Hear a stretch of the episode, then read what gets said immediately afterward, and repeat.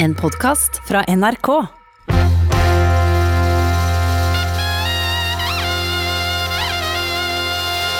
Påskelabyrinten.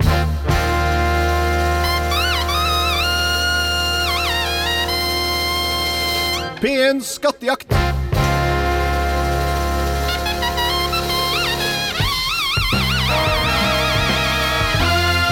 I farger og to kanaler, som gamle Bjørge Lillelien pleide å si, så er Påskelabyrinten på lufta. Hjertelig velkommen til den tredje etappen denne onsdags formiddagen.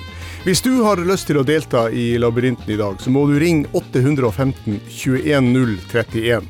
Jeg garanterer ikke at du kommer med, for utviklinga av labyrinten så langt har vært veldig spesiell i år. Vi har altså med en dame som har klart hele 15 oppgaver. og han antagelig kvalifiserte seg for finalen, det tror jeg kanskje ikke at det tar munnen altfor full å si. Men det kan jo hende at hun, Trude Sofie Antonsen, som hun heter, ryker ut i dag. Og da er det kanskje din tur, men du har bare én måte til å kunne delta i labyrinten på, og det er å ringe 815 21 031. Der sitter to damer klar til å ta imot din påmelding. Så skal jeg bare fortelle deg at hvis du har lyst til å se Påskelabyrinten også på nettet, så kan du gå inn på nrk.no, og så kan du klikke på Alltid sammen.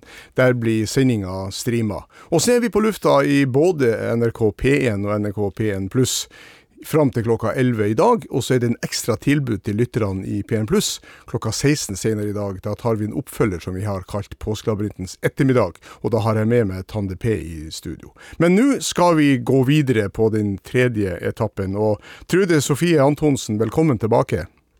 Takk for det. Har du tid til det her? Det er jo heldigvis sånn at jeg har tid. Ja. Både ferie og vi, og vi får uansett ikke dra på jobb. Nei, nettopp.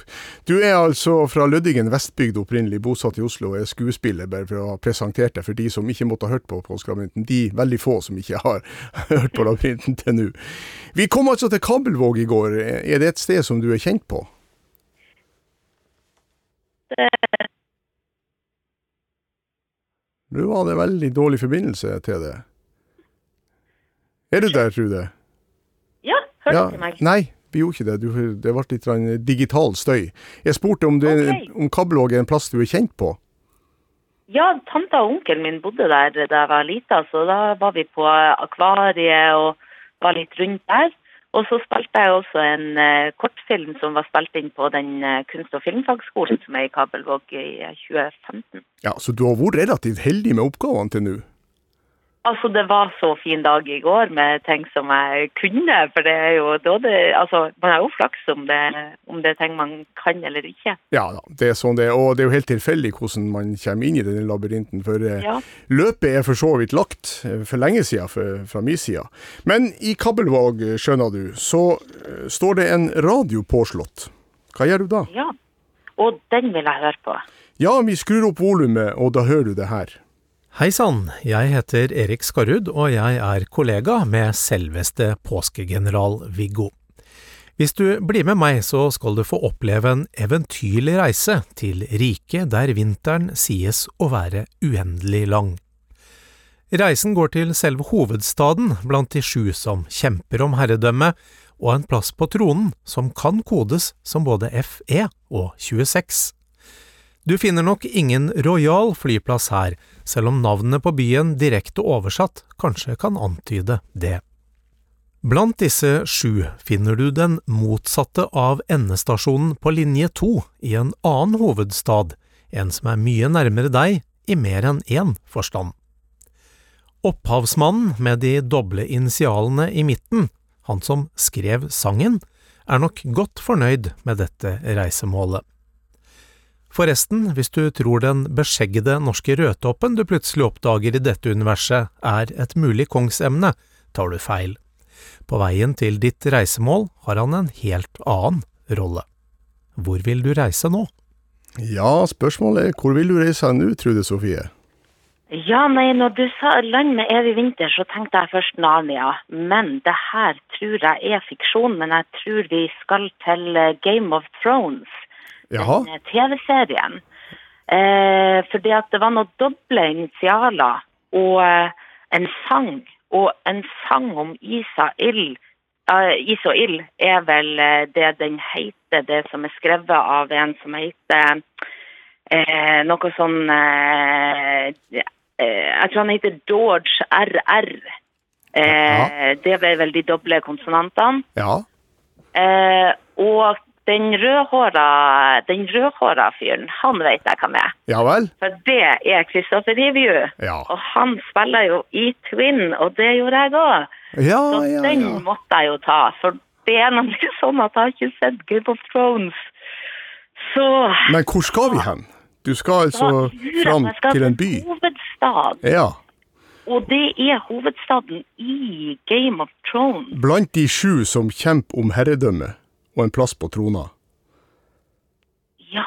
Du finner ingen rojal flyplass, sa han Erik Skarud. Du finner ingen rojal flyplass, selv om navnet på byen direkte oversatt kanskje kan antyde det. Da høres det jo ut som noe som har med konger og sånn å gjøre. Men var det ikke også noe med T-bane? Eh, altså ei linje på T-banen? Jo da, jo da. Du finner en, eh, det himmelsk motsatte av endestasjonen på linje 2. Ja, og da tror jeg det er T-banen i Oslo og linje 2 går til Østerås. Så eh, det lille jeg har fått med meg, hvis det er motsatt der, da er det vest. Og da, da er det noe som heter noe sånn Vester, Vesteros eller noe sånt i Game of Thrones. Men, eh, men kan det være eh, Kan det være hovedstaden? Det tror jeg ikke, for det var jo det med at det var noe rojalt. Ja. Um, Royal flyplass. Og da skjønner jeg det. Kings Landing. Du vil reise til Kings Landing tar jeg sjansen. Helt rett. Hva betyr det? Altså, eh, jeg vet ikke hva det betyr oversatt, men jeg skjønner jo assosiasjonen til flyplass med landing.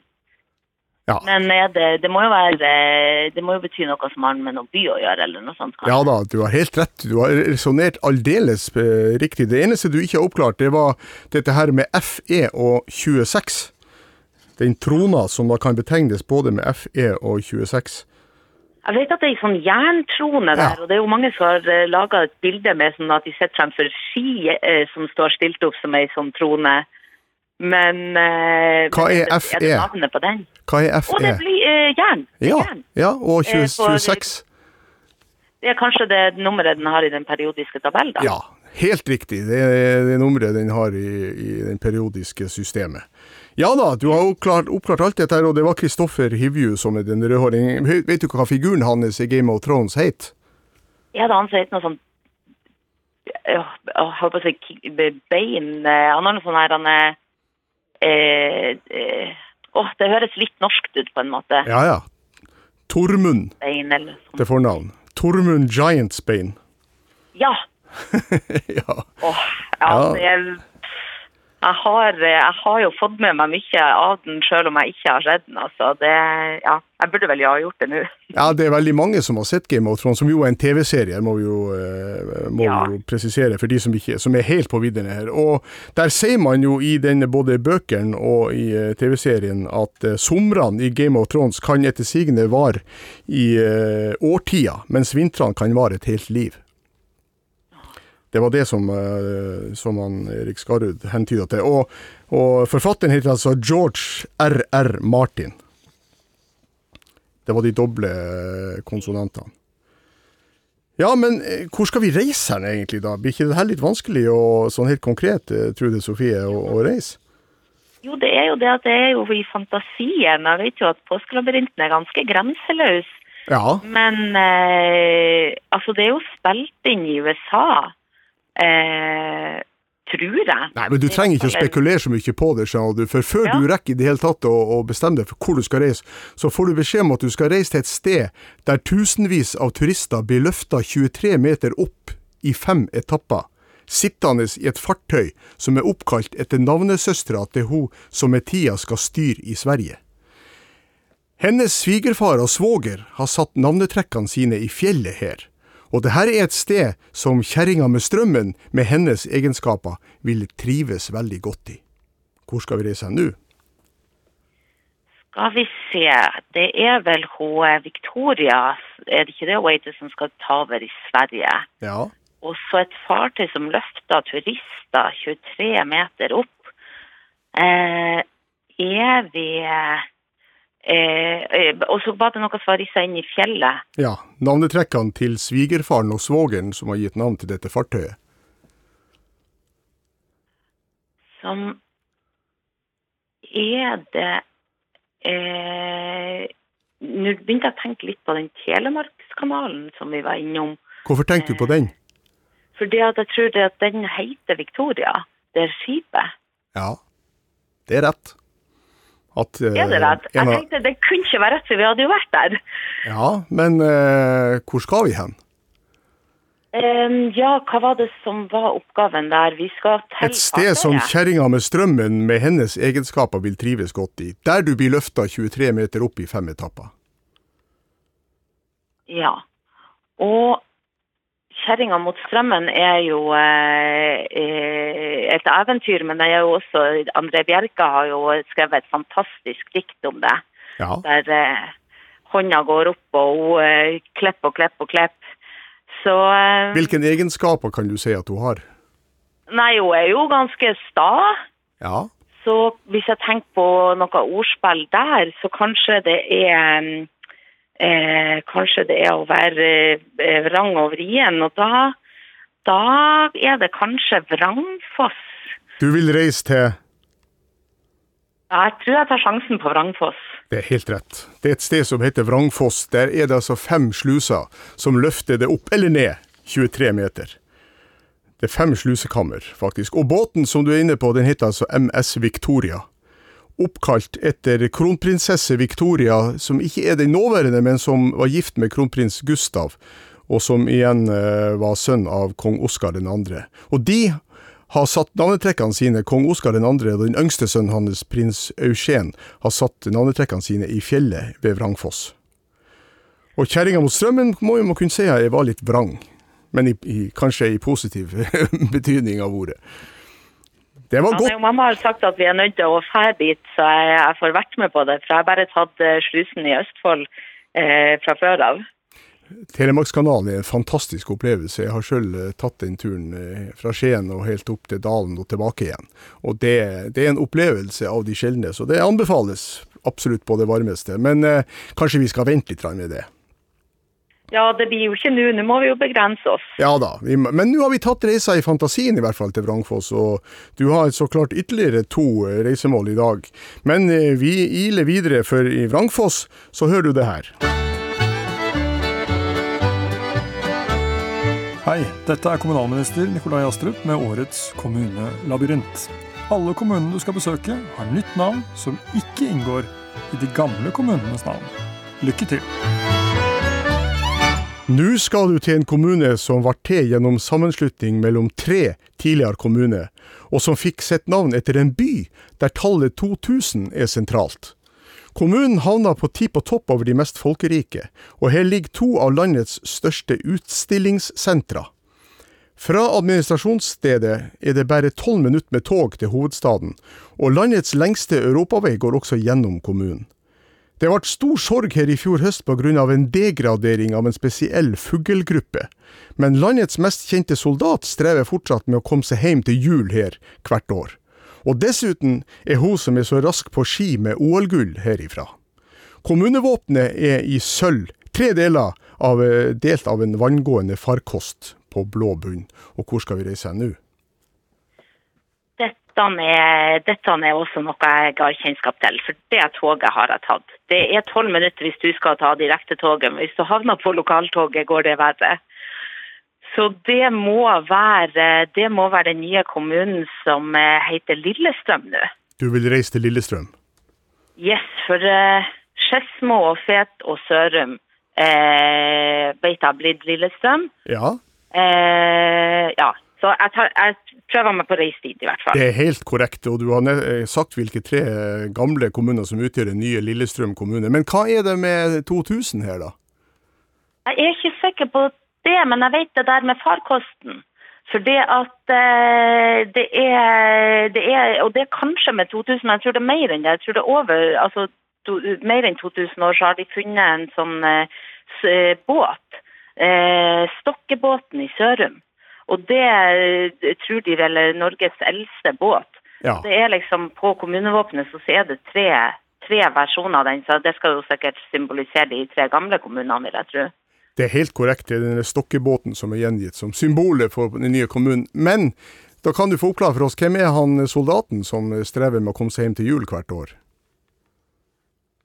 Ja, eh, jeg tenker, er det, er det den der er- det den sangen om at han har foreldre som sitter ensom? Nei, jeg, jeg tror jeg er litt på feil spor på den. Han skal hjem til Petra. Nei, det er ikke noe, det ringer ikke noe bjelle her. En tegneseriefigur. Er det Stumperud? Ja, 91 Stumperud. Ja, for det er jo julehefte. Ja, hvor er det han skal hen? Er- Skal han til Lillestrøm, kanskje? Han skal til Sørum. Han skal til Sørum. Han er derifra, vet du. Ja, ja, ja. Akkurat, ja. Nei, den vet jeg ikke. Og så var det en stor sorg i denne byen her da, for noe som skjedde. her. En degradering, hva var det? Av en fuglesort, nærmest. Ja, det, den, eh, den vet jeg heller ikke. Det er jo eh, Hva skjedde, er det noe sånn hva skjedde med Lillestrøm sportsklubb i fjor? Å, selvfølgelig. De kaller de jo for kanarifuglene. Ja, og hva skjedde med de? Er det noe med at de kanskje røyk ut av noe fotballmesterskap, eller De røkka ned fra Eliteserien til førstedivisjon. Og det skjønner jeg er veldig trist. Ja, og det var jo for første gang på veldig, veldig mange år. Ja, 45 sammenhengende sesonger hadde de hatt i toppdivisjonen, og så røkka de ned. Og det er klart, det blir sorg av sånt. Ja, det blir det. Ja. Men hvem er hun eh, skiløperen som har tatt eh, OL-gull, som er fra denne kommunen? Ja, hvem er det? Den er ikke i, Johaug, for hun har jo helt annen dialekt. Ja. Hun er Så- lenger, lenger nord oppe i Østerdalen. Nei, Men- eh, jeg er ikke sikker på det, altså. Det er snakk om Maiken Caspersen Falla, som er fra Fet, og som representerer Gjerdrum idrettslag. Ja. Tok eh, gull på skisprinten i Sotsji i 2014. Imponerende. Og dette med 2000, hva- må du skrive på eh, konvolutten hvis du skal sende et brev til Lillestrøm? Er det 2000 som er postnummeret, kanskje? Ja. Det er det, Ja. Ja, da har vi altså kommet tre skritt videre inn i labyrinten. Eh, I Lillestrøm så møter du en som forteller at han følger spesielt godt med på årets store historiske begivenhet, som kommer hvert fjerde år i verdens største demokrati. Han vil at du skal reise til en by som alltid er først ute i kampen om å bli kandidat til den historiske utvelgelsen. Byen har et opprinnelig fransk navn, og er hovedstad i en stat med navn etter landets opprinnelige befolkning, men som også har navn etter en boklig speider. I år ble elektroniske hjelpemidler sentral i offentliggjøring av resultatet, og forsinkelsene ble store, sier mannen du møter. Hvor skal vi reise hen? Hmm, årlig, altså var det fire år mellom hver gang, var det det de sa? Ja. Da tenker jeg jo OL. Ja, Eh, hvorfor, hvorfor tenkte du jo på også det? være VM og Eh, Nei, for det er nå eh, det er nå vel hvert fjerde år med sommer-OL og hvert fjerde år med vinter-OL, Ja, tror jeg. det er en begivenhet som kommer hvert fjerde år. Det vil si, sommer kommer hvert fjerde år, og vinter kommer hvert fjerde år, men de er Ja. i to, to år forskjøven. Men hvor skal vi reise hen, da? Nei, altså det var jo òg det med, med mm, eh, Var det hovedstad jeg skulle frem til? Ja, det hovedstad i en stat med navnet til landets opprinnelige befolkning. Ja, det her er jeg veldig i tvil. Men eh, er, de var jo ikke så veldig fornøyd med å måtte avlyse OL på grunn av eh, koronaen. Eh, og det tror jeg var Beijing. Men jeg vet ikke så mye om det er opprinnelig befolkning. Men jeg tror jeg tar sjansen på å si at jeg reiser til Beijing. Du vil reise til Beijing. Ok, da gjør vi det. Hei, jeg er NRKs Asia-korrespondent Kjersti Strømmen i Beijing. Det er veldig hyggelig med besøk fra Norge, men det var nok ikke her du skulle i dag. Jeg skal hjelpe deg på et fly tilbake. God påske! Ja, våre korrespondenter de er på jobb for oss eh, som alltid, korona eller ikke korona. Og nå er jo for så vidt også eh, Kjersti Strømmen i Beijing sluppet ut av sin langevarige karantene med portforbud. Men som du skjønner, dette var ganske langt unna målet, Trude, så her bomma du litt. Ja. ja, det var det, ja. Ja, ja det var det. Men du er jo, jeg tror nok jeg kan love deg en finaleplass for det. Med dine 18 oppgaver, som er definitivt ny rekord i Påskelabyrintens historie, så er du kvalifisert til finalen. Så vi høres rett og slett på lørdag, vi. Så artig. Jeg gleder meg. Jeg òg. Takk skal du ha så langt. Og så skal jeg bare fortelle dere som hører på nå, at hvis dere tror at dere skal gå glipp av litt gammeldansserie i Påskelabyrinten, så er det helt feil, for her kommer Sven Nyhus kvartett med Karis Pers polska.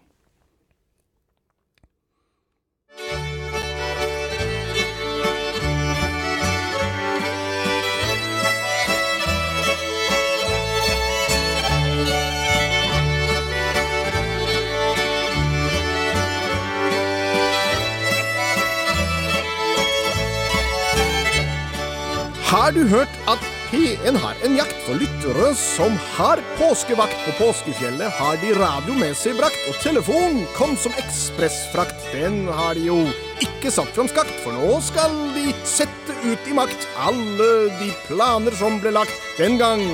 De inngikk en pakt før de på frokosten har smakt og spist av de brødene som ble bakt. Kler de på seg en skattejaktdrakt, man må jo vise seg i all sin prakt. Man finner fram en høretrakt, setter seg ned i full andakt og tar imot det tilbud man blir rakt. Her skal det ikke bli noe slakt. De slutter med nummeret i takt. 8, 15, 2, 10, 3, 1 har jeg sagt.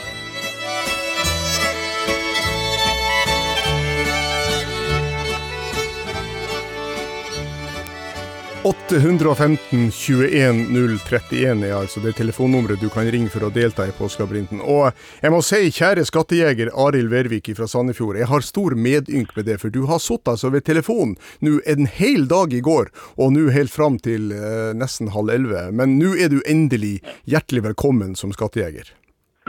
Ja, takk. Du er antagelig ganske varm i øret? Ja da. Jeg har sittet med telefoner på her, så jeg kjenner jo det. Ja, ja. men nå skal du endelig få slippe til. Hvor det står til i Sandefjord? Du, Det er fint her. Det, altså, Vi er jo kjempeheldige som har eh, si, vi har fint vær og vi har fine turmuligheter. Så i disse tider her så er vi ganske privilegert. Ja, Men jeg hører jo på dialekten din at du eh, er ikke født og oppvokst i Sandefjord. Du, er, eh, du må rundt spissen av Norge og på andre sida?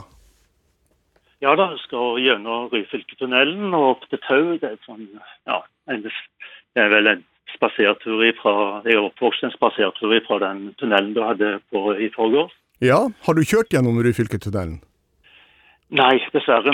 Planen var at jeg skulle egentlig gjort det nå, for mor mi har bursdag i dag. Så det var, det var, planen, men altså, i disse tider gjør vi ikke det. Men jeg må jo gratulere henne med dagen, da. Ja, men det skal du få lov til å gjøre nå. Nå kan du sende en hilsen til mor di. Ja, Hei, mor. Gratulerer med dagen. ja, det var kort. 85 år. 85 år? Du verden, det er en, det er en anselig alder, men uh, det er jo hyggelig å, å få hilsninger fra sønnen sin på 85-årsdagen, da. Det er det. Ja, Det vil si at uh, da har antagelig jeg vært uh, nyligere på tauet enn du har. Å?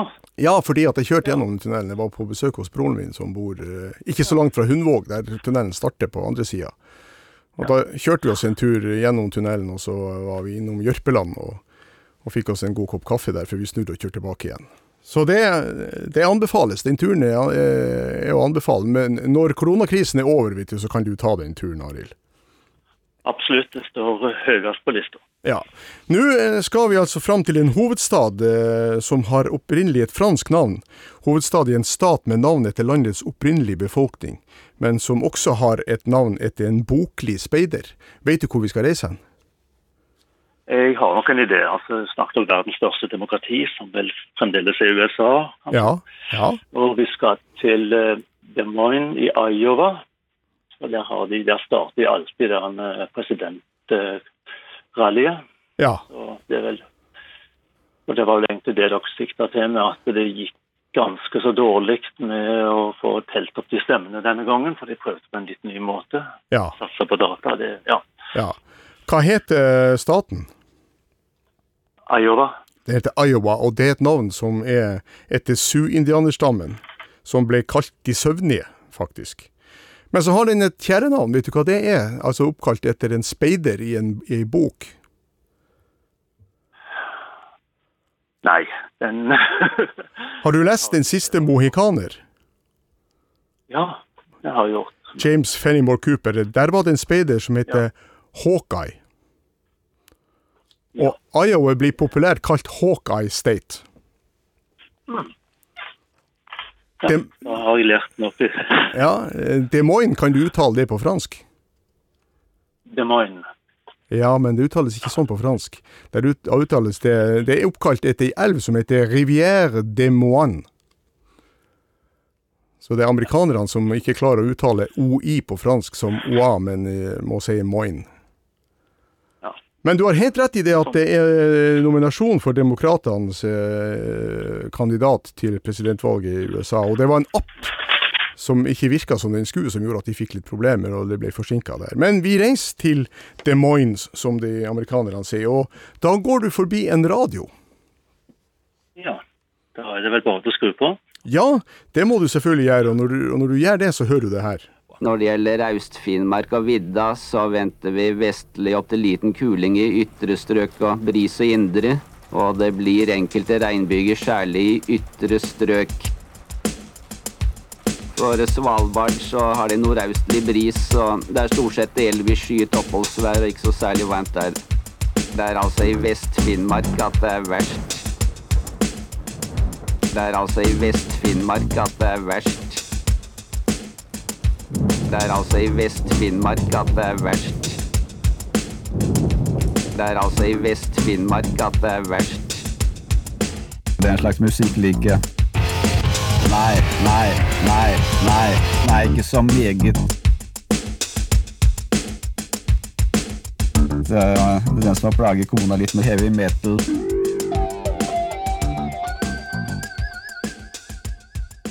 Ja, på radioen så er det festa en eh, lapp, skjønner du, Arild. Der står det 'Reis til bydelen som er nabo til den som fikk et kriminelt rykte'. Vi se. Dette her hørte jo Dette var jo Vidar Theisen, som var jo værmelder Ja. gjennom veldig mange år. Ja. Så var det ble laget en rapp rundt den. Ja da, det var det. Og Te- Theisen skriver jo navnet med H, men hvis du tar vekk den H-en, så har du en bydel i Oslo som heter Theisen. Ja, Så du vil reise til Ja, jeg har ikke noe bedre forslag sånn eh, Nei, jeg syns peisen høres bra ut. Jeg syns òg Theisen høres veldig bra ut, for det er det, som står i fasiten min. Det er Helt rett. Men hvilken eh, nabobydel er det, var det som fikk et, eh, et kriminelt rykte? Eh, så vi se Altså, det har jo det har jo vært problemer i flere bydeler der, så nabobydel til Nei, det har jeg vel ikke. Altså Det var en gjeng som fikk navnet sitt fra det stedet der de oppholdt seg på, oh, ja, ja. rundt et senter, i 1985. Ja, hm, Nei, men det, det er ikke så farlig, for det, det var jo eh, Theisen som var riktig reisemål. Men det er Tveita vi snakker om. Tveita, selvfølgelig. Ja, Tveita-gjengen, og her snakker vi om ting som uh, Munch-tyveriet og Nokas-ranet og sånn, som var knytta på mange måter til den Tveita-gjengen. Men Theisen var helt rett, og han Vidar Theisen, husker du han når han me- meldte været? Å ja, absolutt. Jeg er såpass gammel, så det, det husker vi godt. Ja. Det var i 1988 at eh, Espen Beranek og Arne Berggren ga ut den uh, singelen eh, Heavy Metal, under navnet Vidar Theisen and The Retrievers. Og det var jo, som du hørte, en slags, eh, en slags rapp, eller en, en sampling av utsagn fra Vidar Theisen. En fargerik person, som dessverre gikk bort i, i 2012. Værvarsler i en årrekke på, på fjernsynet og i radioen. Vi reiste til Theisen, vi, og i Theisen så møter du en mann som kommer fra et land som har fostra perler, som ble den første fra sitt kontinent som vant serievinnercupen i fotball, og som ble toppskårer for sitt nye land i VM. Byen han kom fra hadde opprinnelig navn fra en handelsmann fra kolonilandet, men skifta navn da landet ble fritt for 45 år siden etter en blomsterrevolusjon. Det er et land av seks i verdensdelen som har samme kolonispråk. Og byen du skal fram til var hjemby for den svenske pappaen til Kurt fra Ystad i mange år, sier man. Hvor skal vi reise nå? Skal vi se, var det ganske mye. Ja, som alltid. Ja, du snakker om en blomsterrevolusjon for, i, for 45 år siden. og Da er vi teller vi tilbake, så er 75. Og det var jo noe som heter Nellik-revolusjonen. Eh, vel, og det er vel er det, Skal vi se Var det, var det Portugal, da? Ja. Det var, ja, for at det var eh, Det var vel egentlig styrene De fikk vel egentlig bare De, de fikk vel bare beskjed om å gå hjem, tror jeg. Det var slik at, det, det var slik at, de, at de som overtok, de bare kom, og så bare ba de som styrte å gå hjem, og det gjorde de. ja. Da, og, og det var det. Det, var, det gikk egentlig veldig greit. Ja. Og det var, ja, det var i 75, som sagt. og Det, og da må vel til Lisboa. Jeg har ikke noe bedre forslag. Men så var det jo en hel haug med andre eh, Det var jo en hel haug med andre Ja. som jeg ikke greide å fange med meg på en gang. Du skal altså eh, til et land som har fostra ei perle, som ble den første fra sitt kontinent som vant serievinnercupen i fotball. Og som ble da Og som ble da Eusebio, Ja, og han spilte jo på, på spilte han på han, Ja, han spilte jo i Lisboa. Det gjorde han faktisk. Det mener jeg. ja så du vil altså reise til Lisboa? Ja, jeg har ikke Jeg prøver å huske den fotballklubben, men eh, det står stilt nå. Da. Men jeg tror, jeg tror vi satser på Lisboa. Dette er Philip Lote, og jeg er NRKs europakorrespondent. Det er hyggelig å treffe deg her, men nå har du dessverre reist feil. Jeg skal se til at du kommer deg trygt til nærmeste flyplass. God tur! Ja, sånn var det, vet du, Arild. Eh, Første bud er å høre veldig godt etter. For hvis du hadde hørt veldig godt etter, så ville du ha skjønt at det var ikke det landet som Eusebio spilte fotball i vi skulle fram til, men hans opprinnelige land og, og hovedstaden der. Men din reise ble kort, men grei i påskelabyrinten. Vi sender ei T-skjorte til deg selvfølgelig som takk for innsatsen, Arild, og så får du ei fortsatt god påske. Ja, takk. Ja, det var en knapp, knapp avskjed, men sånn ble det. Trygve Michaelsen i Ålgård, velkommen. Hei, hei. Ålgård det ligger jo i ditt eh, hjemfylke, egentlig. Opprinnelig hjemfylke til Arild, det. Ja, det ligger i Rogaland. Ja, det ligger i Rogaland. Hvordan står det til der? Nei, det står veldig fint til der. Jeg er jo et annet sted i kommunen. Jeg er jo faktisk så heldig å ha bytta egen bostedkommune. Så Ja vel? Grensa til Sirdal nesten, og, og nyter påskefjellet. Ok. Og der oppholder du deg nå? Ja. Ja. Hva gjør du sånn til daglig, Trygve? Jeg eh, jobber på IT-avdelingen i Stavanger kommune i de siste ukene mest hjemmefra. Ja, så du, til vanlig så pendler du da fra Ålgård og inn til, eh, til Stavanger? Ja, For det er jo en annen kommune, Ålgård ligger i en Stavanger, det er Gjesdal, er det ikke det? stemmer det. Ja. Ja, men eh, vet du hvor vi skal hen nå da, i labyrinten? Eh, jeg vet i hvert fall hva landet skal til. Det må jo være eh, Mosambik, der som kom kommer fra. Og Jan Georg har jo òg eh, knytning til Mosambik, som var vel Wallander sin far i Ystad. Ja, jeg er ikke så helt sikker på om jeg er enig med akkurat din konklusjonen din der. Men, men Wallander var helt riktig, og Ystad og Kurt Wallander. Men hvem som er pappaen til, til Kurt Wallander, sånn Nei, det er jo ikke Det er jo han andre. ja. ja. Er ikke det et kjent rogalandsuttrykk, du? Han andre? Ja, ja, ja.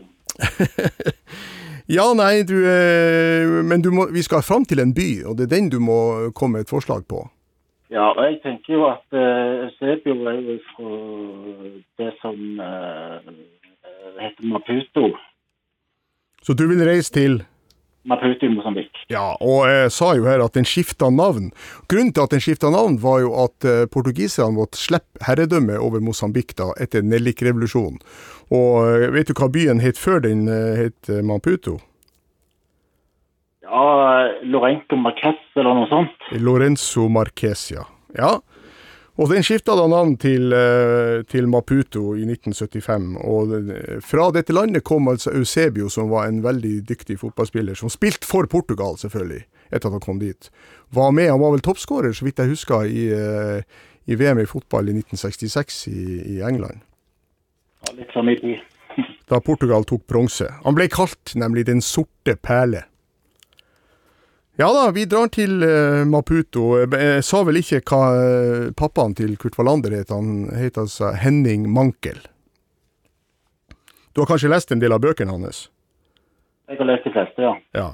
Henning Mankel. Han oppholdt seg i mange år i Maputo i Mosambik. Vi får se en gammeldags film når du kommer til uh, Maputo. Hva gjør du da? Det står en fremviser der. Jeg kikker vel på den. Ja, da starter vi fremviseren, og da ser du en mann med grå bowlerhatt som kommer sammen med to andre menn. De går inn i et hus der kona til han med sixpence og briller møter dem. Mannen ser plutselig vendt mot kamera.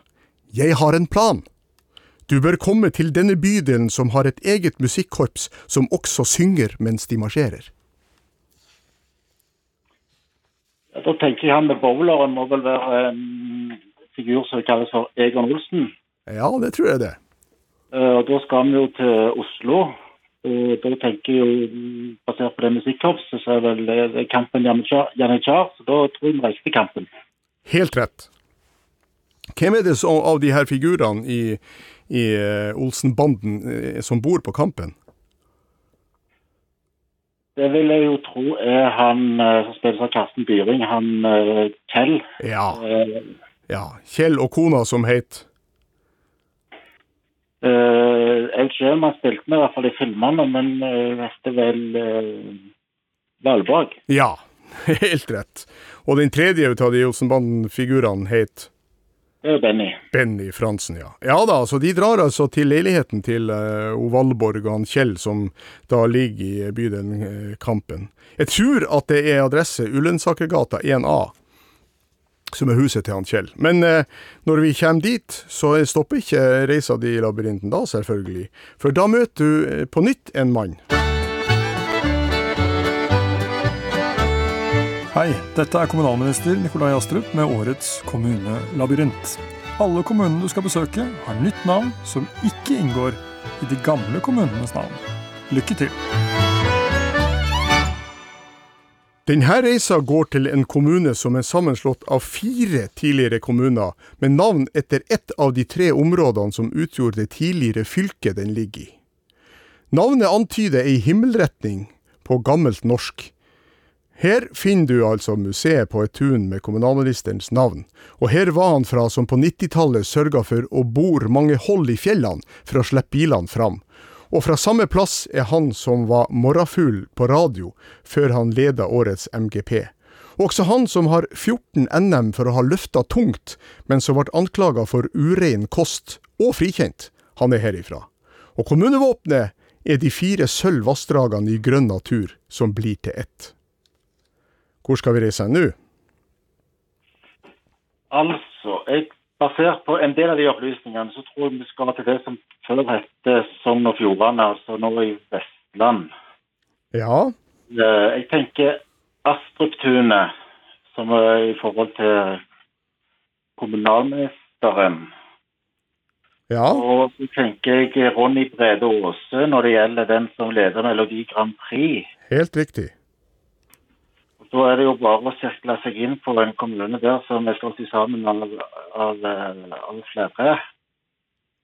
Eh, og jeg tror jo vi skal til den nye Sunnfjord kommune, som er sammenslått av Førde, som han Ronny kommer fra, Naustdal, Gaular og Jølster.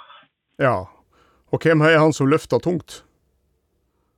Det er jeg ikke så sikker på, men kan det være han Grimseth? Ja, det kan det være. Stian Grimseth som jo har 14 norgesmesterskap i vektløfting. Og så ble han tatt i doping, for husker du kanskje, for han skulle konkurrere i Sydney, men, eh, men ble uh, frikjent.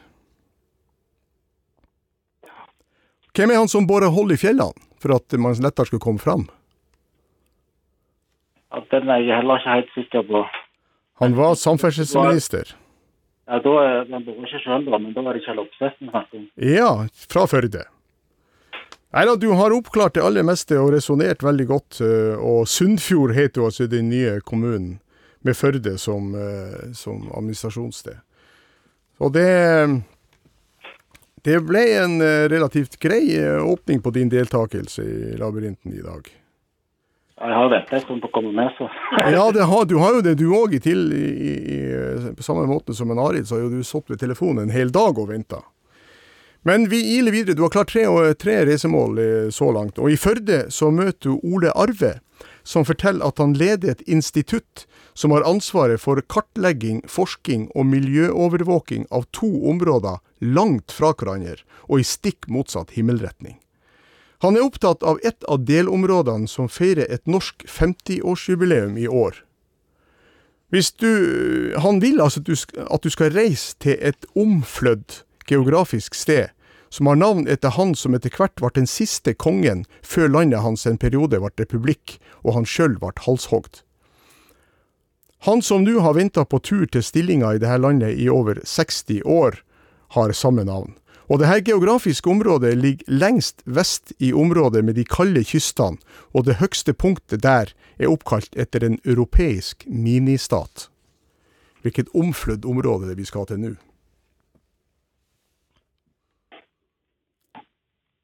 Oi.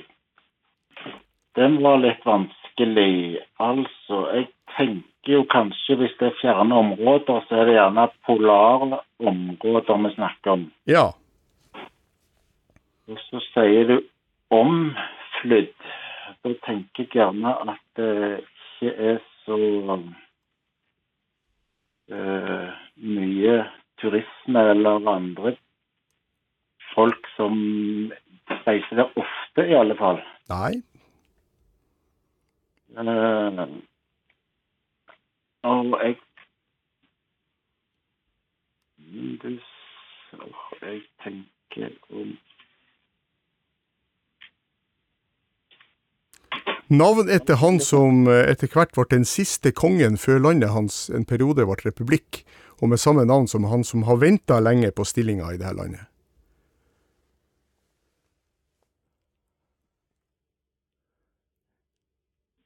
Ja, den første jeg tenker på, er jo uh, den siste tsaren, Nikolai den andre. Men det bringer meg ikke noe sted som jeg kjenner til. Eh, men jeg vet ikke om han ble halshogd, men det kan jo òg være en, en fransk konge. De heter jo Louis eller Ludvig ofte. Ja, er det noe sted som du kan forbinde med det? Ja, du snakket om en fjelltopp. Ja, som er oppkalt etter en europeisk ministat.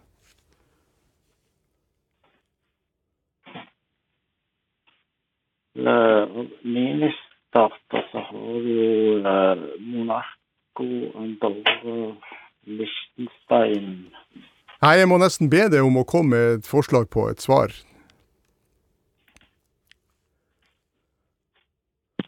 Nei, jeg tror jeg, må bare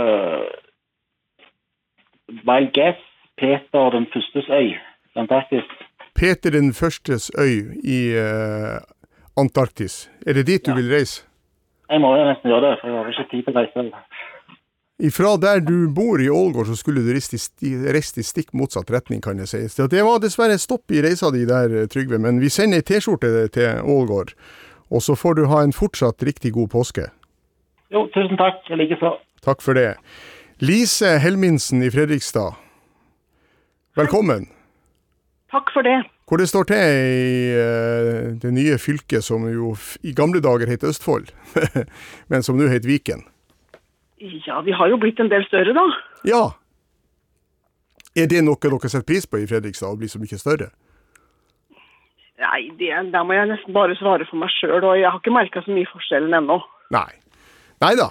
Det, det er noe sånn som er bestemt som ikke vi kan gjøre så veldig mye med. Annet enn at det skaper litt ekstra oppgaver i påskelabyrinten, kanskje.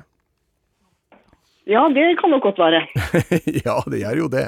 Vi har jo hatt med oss kommunalminister Astrup nå gjennom hele labyrinten, og vi skal fortsatt ha han med, kan jeg fortelle. Men Ja. hvor skal vi reise nå da, Lise? Jeg lurer på om det er noe som heter Charlesbreen. Men er den spesielt omflødd? Han ligger på, i Antarktis. Ja. Og er oppkalt etter Etter han som nå har venta på trona i 60 år, vil jeg tro, fra Storbritannia. Men dette geografiske området ligger lengst vest i området med de kalde kyster, og har et høyt punkt som er oppkalt etter en europeisk ministat. Får du det til å stemme? Nei, det gjør jeg ikke. Og den har vi sett litt på her. Vi er et lite team på tre. Så der har vi nok ikke noe godt svar til deg, på den Nei. ministaten. Nei. Nei, for som du skjønner, så du har jo kommet med et forslag for så vidt, og uh, som du skjønner, så var du ikke helt uh, du kan, Vi kan si det sånn at du reiste i, i rett himmelretning, men du har ikke helt klart å knekke eh, koden på det stedet vi skal til. Dette med omflødd område er ganske viktig, tror jeg. Men eh, vi setter en stopper for reisa di der, Lise, og så sender vi også til deg i T-skjorte. Håper at du får bruk for den når det blir sommer og sol i Fredrikstad. Det kan være fint å, å ha den på seg når man er ute og slikker sol. Takk for det. Fortsatt god påske. I like måte. Ha det bra. Ha det bra. David Tørre Asprusten i Oslo, velkommen. Du, takk for det. Plutselig ble det min tur nå. Ja, det ble det. eh, Og det er jo eh, et stort spørsmål om du vet hvor vi skal hen. Du, jeg har sittet og fundert, og jeg, jeg, er, kjenner at jeg også er eh, på tynn is, eh, som jo passer bra med at vi er ute i polare strøk. Men jeg lurte på om du kunne gjenta bare den opplysningen om kongen, for den, den fest, prøver jeg å feste meg litt ved. Ja, dette her er altså, som jeg har sagt eh, veldig mange ganger, et omflødd geografisk sted som har navn etter han som etter hvert ble den siste kongen før landet hans en periode ble republikk, og han sjøl ble halshogd. Han som etter hvert ble den siste, altså som etter hvert ble den siste kongen, Ja. før landet siden ble republikk. ja. Og så ble, og så ble han En periode, det er ganske viktig. Ja, en periode, ja. Og så blir han også halshogd. Det, da må vi jo tilbake i tid. Men du sa, sa du ordet omflødd? Var Ja. det det du beskrev det med? Ja. Hva betyr omflødd, da? ja Altså, hva er slags geografisk område er det vi snakker om da? Eh, jeg er litt usikker når du sier eh, omflødd, men altså, er du på, er du på flyte i form av Arktis, at isen flyter rundt? Nei, hva betyr det at et område er omflødd? Vet du, jeg er usikker. Jeg har ikke det ordet inne i vokabularet mitt. og altså omflødd Altså at det er eh, har, har det noe med hvor mange mennesker som er der, eller fravær av mennesker, kanskje? Nei, nei, nei, nei, jeg har ingenting med det. det er, eh, vi snakker om ren geografi. Å ja. Ok. Um, ja, nei, eh, akkurat den kan jeg ikke dra noe på. Men altså, halshugde monarker. Før landet ble republikk en periode Ja, vet du hva, kanskje vi skal ehm, Jeg bare prøver å bla intenst rundt her. Eh, Frankrike ble monarki, nei, altså ble republikk. Men det ble ikke en periode. Ja. Ble det en periode? Nei, vet du hva! Forresten, vet du hva? Kanskje vi skal til ehm, Nei, nei, nei, vi skal sikkert til England. Vi skal til Cromwell. Eh, det tipper jeg. Fordi Jaha. republikk. Ja, det er riktig at eh, Kan England være eller Storbritannia ble republikk en periode under Ja. Cromwell. Ja. Og så sier du da at denne siste han som ble den siste monarken der, før Ja. republikken, Ja. det er vel- Carl den første eller den andre, tror jeg. Ja. Som blir halshogd i sånn Ja. 16... Eh, 50-49, kanskje. Og så er det altså denne Carl har gitt navn til eh, et, eh, et område som du kaller omflødd, og som ligger lengst vest. Ja. I, ah, vet du hva? Jeg, du skjønner, jeg sitter ikke og bruker Jeg har ikke noen hjelpere rundt meg, og jeg, jeg lar PC-en, jeg lar Google være Google. Ehm, vet du hva? Den, den øya lengst vest i, i Svalbard, den vet jeg at heter Prins Karls Foreland. Ja. Eh, og det, det tror jeg jammen er eh, Om det ikke er riktig, så får det være et eh, anstendig forslag, i hvert fall. Det er riktig. Er det virkelig? Har- Ja da, og ditt resonnement var for så vidt helt riktig. Vi snakker om kong Carl, som jo på, i, på engelsk het Charles. Ja, akkurat det samme som han som nå har venta på tur til stillinga så veldig lenge. Prins of Wales oh, ja. Charles. Ikke sant? Han har samme navn. Og han ja. venter jo på å bli konge, men eh, med en livskraftig dronning Elisabeth så tar det sin tid. Og det kan vi jo si heldigvis til. Nå kjente jeg meg veldig stolt her over at jeg tenker at jeg faktisk greier, greier en oppgave. Det, det var jo faktisk resonnering. At jeg sitter bare jobber og jobber, og jobber, og så har man faktisk svar inne. Selv om jeg ikke Men det. hva slags geografisk område er prins Carl Folland? Jeg, vil, jeg tror det er en øy. Ja, og da betyr det at den er omflødd, ikke sant? Det er vann rundt hele veien. Å, ja, ja, ok, sånn. Så ei øy Ja, er er omflødd. Ja. Ei halvøy derimot er ikke omflødd, for den er, henger da fast ved resten av, uh, fastlandet liksom, på ett punkt. Ja, ja, men det, det gir mening. Og han Ole Arve som vi snakker om her nå, han er altså direktør i Norsk Polarinstitutt, som da har ansvaret for forskning og miljøovervåking og kartlegging både av Arktis og Antarktis. Det er ikke så rart. Ole Arve Misund. Hadde han noe spesifikk kobling til um, sa, Var det noe videre du sa om han? Jeg Altså, sa at vi møtte han, som, det var han som ga deg oppgaver, på mange måter. Ja, sånn var det, ja. ja, men da sier vi takk til Ole Arve. ja, men før du rekker å reise til Svalbard, så møter du en annen mann, en historiker, som sier at han er spesialist på norsk vikingehistorie. Han er veldig opptatt av å undersøke en historie som ble avslørt i oktober 2018 av et avansert landbasert ekkolodd. Det viste seg å være et fartøy på 20 meter, som ble sammenlignet med tre andre fartøy som ble funnet fra samme tidsepoke, men på hver sin side av den store fjorden. Historikeren vil ha det med til funnstedet. Det har samme navn som et pusteorgan for et virveldyr, men man er uenig om det skal skrives med eller uten G. Hvor skal vi reise nå?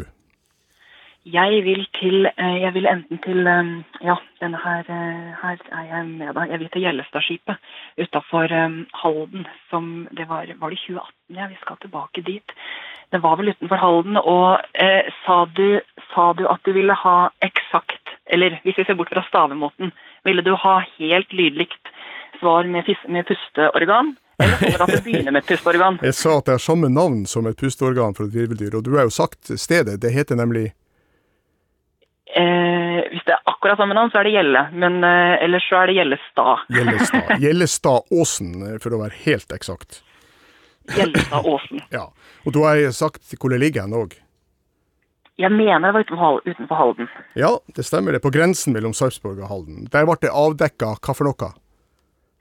Et uh, vikingskip som Ja. man vel kanskje ikke er helt sikker på hvor godt bevart er. Nei, nettopp. Og man har jo ikke begynt å grave i det ennå, da. Og eh, man mener at det er 20 meter. Hvordan kan man fastslå at det ligger et skip under bakken? Jeg tror man bruker det som heter georadar. Ja, jeg, jeg, jeg ja. skrev Jeg leste litt om dette her. Og, Helt riktig. og da sender man vel ja, bølger ned i bakken, og så prøver Ja. å fastsette altså annerledes materialer. Ja, som et ekkolodd. Ikke sant? Bare Ja. et ekkolodd brukes vanligvis på sjøen, mens det her er et slags ekkolodd på land. Og der fant man altså eh, at det kunne være et skip. Og hvilke andre skip er det vi, eh, vi henviser til her, da?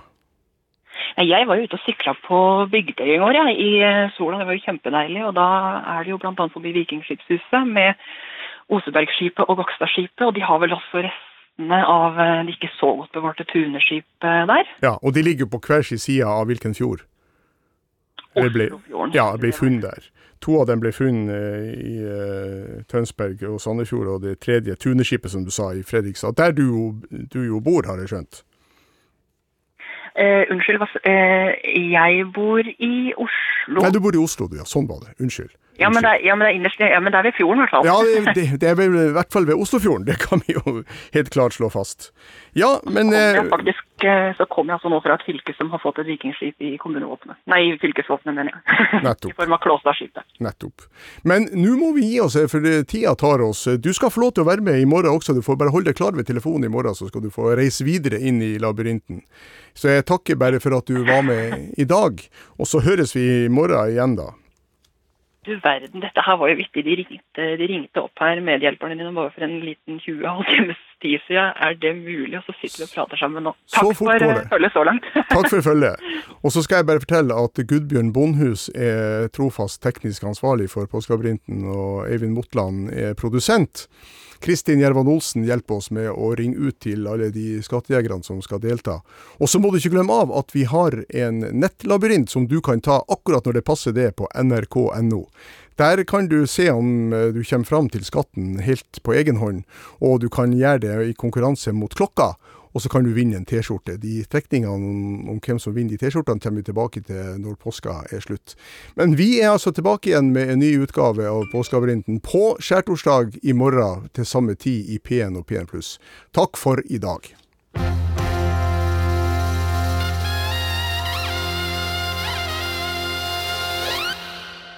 Du har hørt en podkast fra NRK. Hør flere podkaster og din NRK-kanal i appen NRK Radio.